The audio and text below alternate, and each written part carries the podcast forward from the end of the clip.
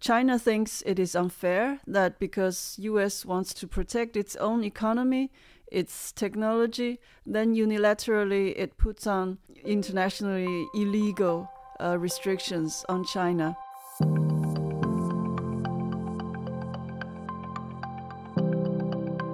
We know sanctions as an instrument that can put pressure on dictators that violate human rights, mistreat their populations, start illegal wars, or illegally develop nuclear weapons. But since 2018, China has been subject to a different kind of US led sanctions, namely control on export and import of advanced technology to and from China. Although the US has often criticized China for its authoritarianism and its human rights violations, these sanctions have not been introduced in the hope of changing China's political structure. Instead, they were introduced because China's technological development was increasingly viewed as a threat by the United States. In the last decade, China has become leading in different areas of technology, like uh, platform, um, IT um, technology, 5G technology, lithium batteries, um, renewable energy technology, uh, electric vehicles, and space technology. So in 2018, the United States initiated the first sanctions against Chinese technology by prohibiting US agencies from using any services from the Chinese tele giant Huawei. And since 2020, export of so called semiconductor chips to China from the US has been increasingly subject to sanctions. The aim is to slow China's technological development, especially in defense technology and artificial intelligence. These so called sanctions or export and import restrictions have been known as the US China tech war.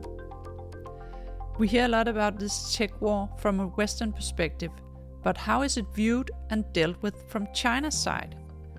That's what we'll talk about in today's podcast. My name is Marie Barse, and with me in the studio today I have you, Senior Researcher Yang Jiang. Welcome to the studio. Thank you, Marie. So, Yang, first of all, how does China view this tech war? Yeah, um, China certainly sees it as the US's attempt to restrain China's growth and development because China's technological and economic growth um, is threatening the US's dominant position in the world. So the, the China thinks it is unfair that because US wants to protect its own economy, its technology, then unilaterally it puts on um, internationally illegal uh, restrictions on China. Um, China thinks that um, what US uh, US's uh, claimed reasons for putting restrictions are just uh, cover for its uh, global ambitions because the US says the mm, the restrictions is because the technology could be used by China in its military systems, in its defense systems, and uh, in its uh, intelligence systems, which could be a threat to US because they're not strategic friends, but rivalries. And another reason is that the Chinese government could use technology to suppress its own people.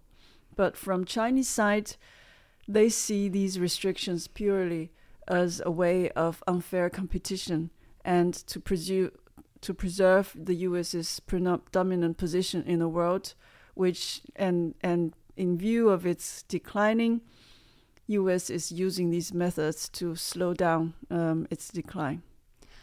And why is it important to know the Chinese perspective for, for us here in Denmark, for example? because the why the U.S. is putting on restrictions on China, um, the reasons are understood differently, not just in the U.S. and China, but also in different parts of the world. Um, there are countries and people who don't agree with the U.S. policies, foreign policy, the U.S. worldview. or the value led foreign policy um, by Western countries. And also, the perspective in China um, helped to explain and and give us some sort of prediction of how China would decide on its own policies uh, right now and in the future.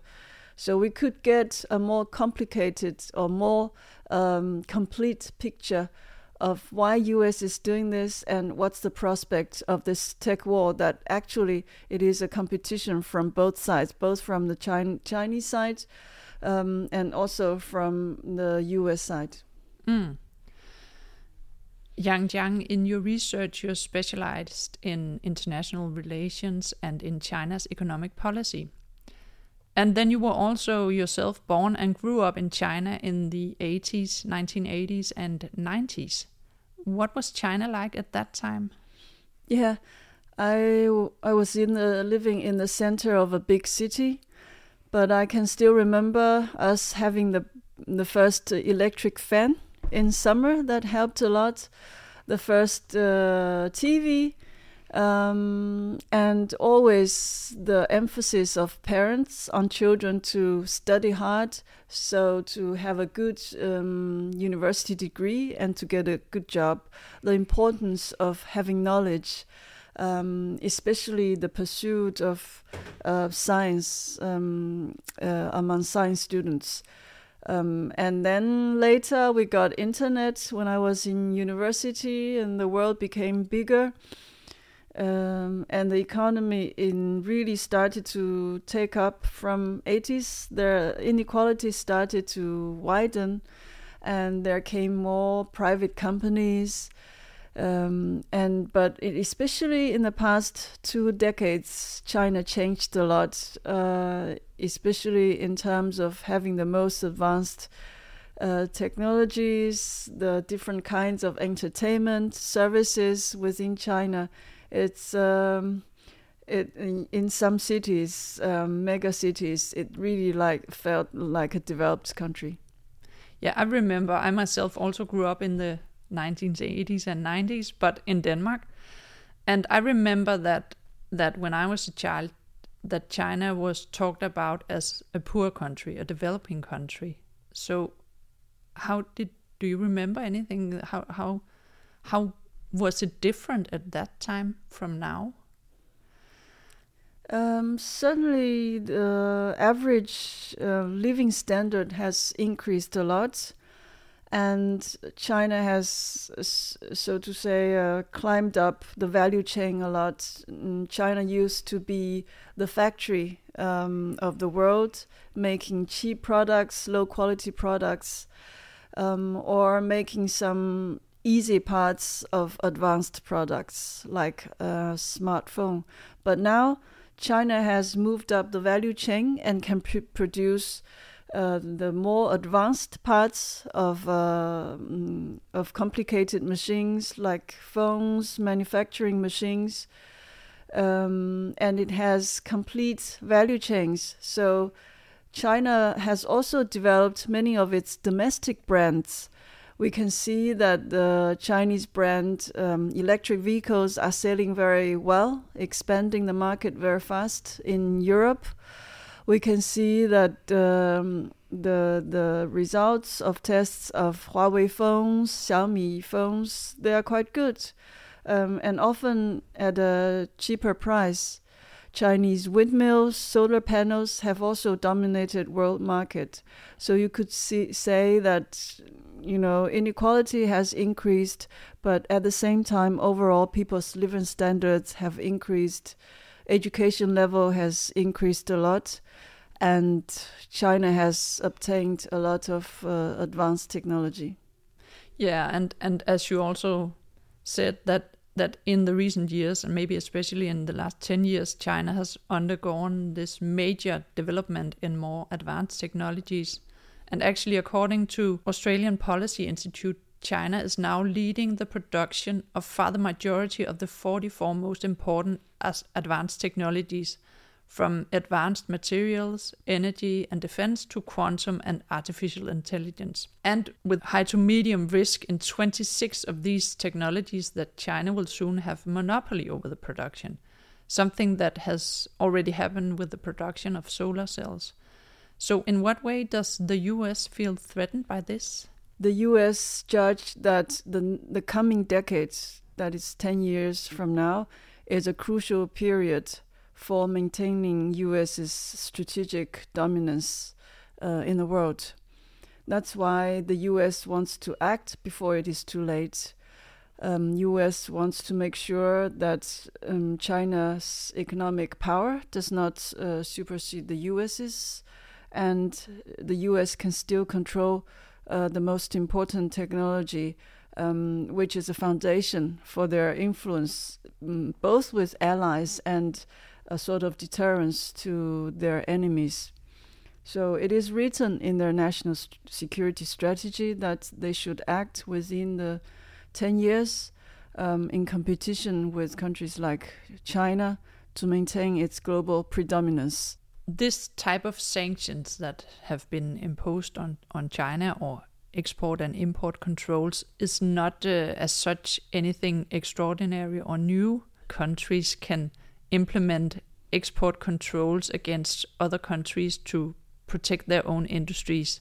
The extraordinary in the US China tech war is that the products that are targeted are critical key components in a large variety of products, and also that it's, it's the US that's the driving force in setting up barriers against another major world power.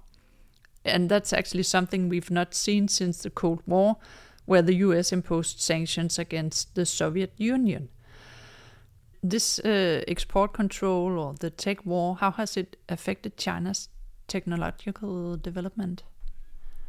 When the US started to put on restrictions, especially uh, a batch of uh, mm, sweeping restrictions in October 2022, Chinese companies and government units felt um, that um, very pessimistic. They felt very challenging because they have relied basically on American design and software.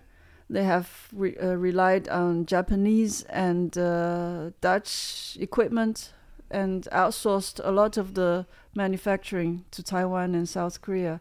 And the US restrictions basically, China cannot do them anymore. Most of that most of the advanced chips that China has, mm, China cannot get anymore. So there were meetings among companies and government officials how to how to deal with it, and the government has put in a lot of money, uh, a big uh, tech fund to try to develop it and and give it to state laboratories, to local governments, to companies to uh, catch up faster, companies have also started more and more research and development to have Chinese uh, um, owning technology.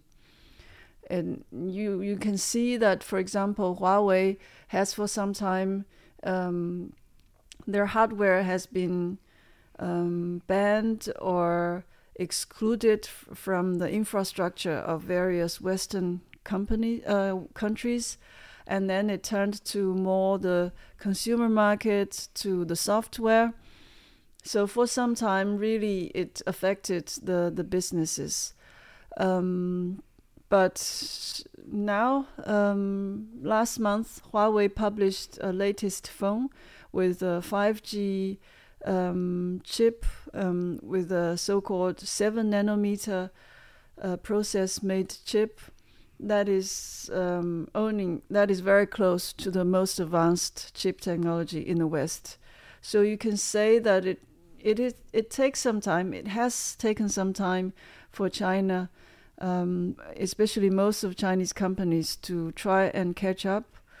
Um, but and and uh, they will probably not make some of the most advanced equipment or machines or weapons in a short while.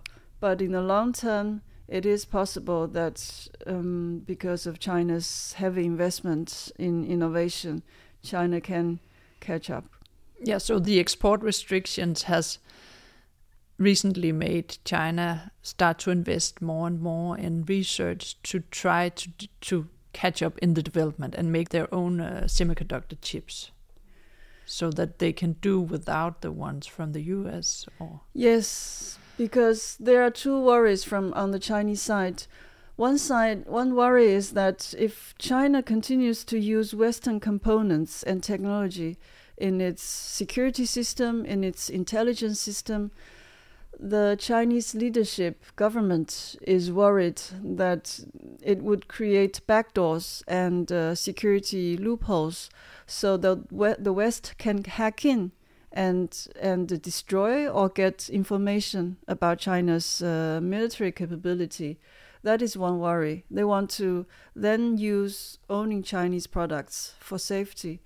So Another, that's the same worry we have in, here in the West against yes. China. That so they we're worried that China will, yeah, use their technology to spy on our military uh, secrets, and China's worried that we might do the same, yeah. or that the U.S. might do the same.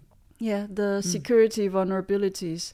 At the same time, China is also worried about its uh, supply chain vulnerability.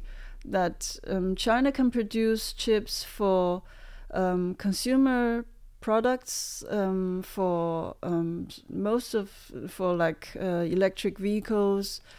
Um, but for most advanced machines, um, supercomputers, um, AI technology, and most advanced weapons, China has relied on Western imports of both technology, services, and hardware chips um, and equipment. And if suddenly one day the US uh, and the West cut it off, then how can China continue producing those items? That's another reason that uh, China wants to develop its own indigenous technology and, and uh, equipment and products. Another possible response, apart from sort of trying to work around the, the restrictions or investing in research to catch up, another possible response could be counter sanctions or counter restrictions. What could that consist of? China could have uh, used uh, countermeasures to the US long time ago. The trade war started when Trump came into power in 2018. Um, at that time, it was more simple items in exports and it's especially under Biden. It already started under Trump in 2020 with sanctions on Huawei and uh, ZTE. But um, China controls or monopolizes some parts of the fa- value chain of semiconductors, of renewable um, energy equipment. Um, for example, um, China dominates the mining and especially processing of rare earth minerals. And, and which metals. are key elements in, in a lot of technology in the green transition, right? Yes, in green transition, in advanced uh, machines, in also in semiconductors. So over 80% of rare earth products have been processed in China, um, and 80% of the US's rare earth um, comes from China. So China could decide to supply less um, to the US, targeted at the um, at US or unfriendly countries. But it is so widely used in all the advanced machines in the green transition um, that if China decides to put on quota on exports, it would affect the world economy. If it China targets the U.S. specifically, uh, many U.S. companies will suffer. So um, rare earth is one area that's been discussed within China whether China will use in the future. We can see that China has put on restrictions on two metals, and they're often used in automatic driving, in um, in uh, green um, energy equipment. Um, and the, the, the method is the same as many of US restrictions that you need to apply for licenses. So, chi- so ch- China can use its discretion of uh, where to restrict and which countries to target, and can, for example, still continue to export a lot to Europe, but uh, restrict the export to the US. So so why haven't they done that? I think one reason is because China still always wants to show that um, globalization benefits everybody. And China has criticized the US for protectionism. So China has is hesitant to be to take protectionist measures. China has also benefited from the process of globalization and does not want the trade war develop fully into a tech war and develop fully into decoupling. Rare earth is also a very important sector um, that supports many jobs uh, and companies, province, um, provinces in China. Um, and uh, when China adopted some limited uh, measures back in um, 2010, I think, because of a spat with Japan, it was also some costs and damages to those actors. Possible restrictions on rare earth uh, export from China is something that the EU has been quite worried about. Um, so, what can the EU do to, or countries in the EU do to avoid getting caught in the middle of these two major powers in rivalry? In a way, Europe is already caught between the two great powers. But um, European countries and EU can do some things to protect their own interests. Um, it takes time to build up a rare earth supply chain.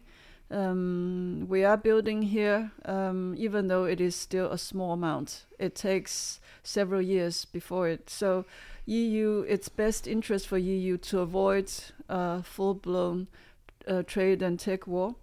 At the same time, um, we should know that we can say no to China and we can say no to America, um, to unilateral trade restrictions, um, and at the same time develop our own technologies. And for example, in Netherlands, they have the most advanced machines. Um, that is something um, Europe can continue to put resources on for innovation and use these advantages as a bargaining tool. Um, it sounds difficult, but middle powers in Southeast Asia, in the Middle East, they have been mastering the art of balancing game or hedging between the US and China. They do not want to cut ties with either great powers because they see China as a great economic opportunity.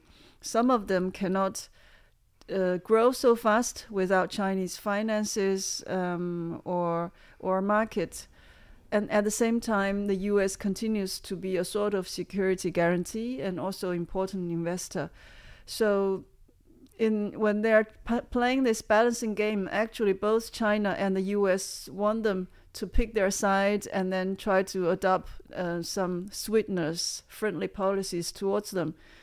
And in that way, we can see that U.S. is strengthening now its uh, relationship with partners. At the same time, EU remains the uh, most important, biggest market for China, and and when China seeks a multipolar world, uh, EU or Europe remains very, very important. Yeah. So, so a pra pragmatic approach where Europe might be able to have partnerships with both major powers could be a, maybe a good way to yes, work towards. Yes, we can say though. Yes, yeah. we can say so um, because I think e economic interests are very fundamental to, to the welfare system here, to political and social stability in many European countries. Also, the US and China actually they also prioritize their economic interests, especially when the US talk about value-based um, foreign policy and talk about democracy. But in, in effect, um, the US pursues America first and puts a lot of emphasis on its technology and economic predominance. Why shouldn't Europe also protect um, our own economic interests and have, in that way, we can have more autonomy in negotiating with the great powers and more autonomy in the political and security issues too. Thank you so much, Yang Jiang, for being here in the studio and uh, giving us a little bit more nuanced view on the US China tech war. Thank you. And to you, dear listener, thank you so much for tuning in.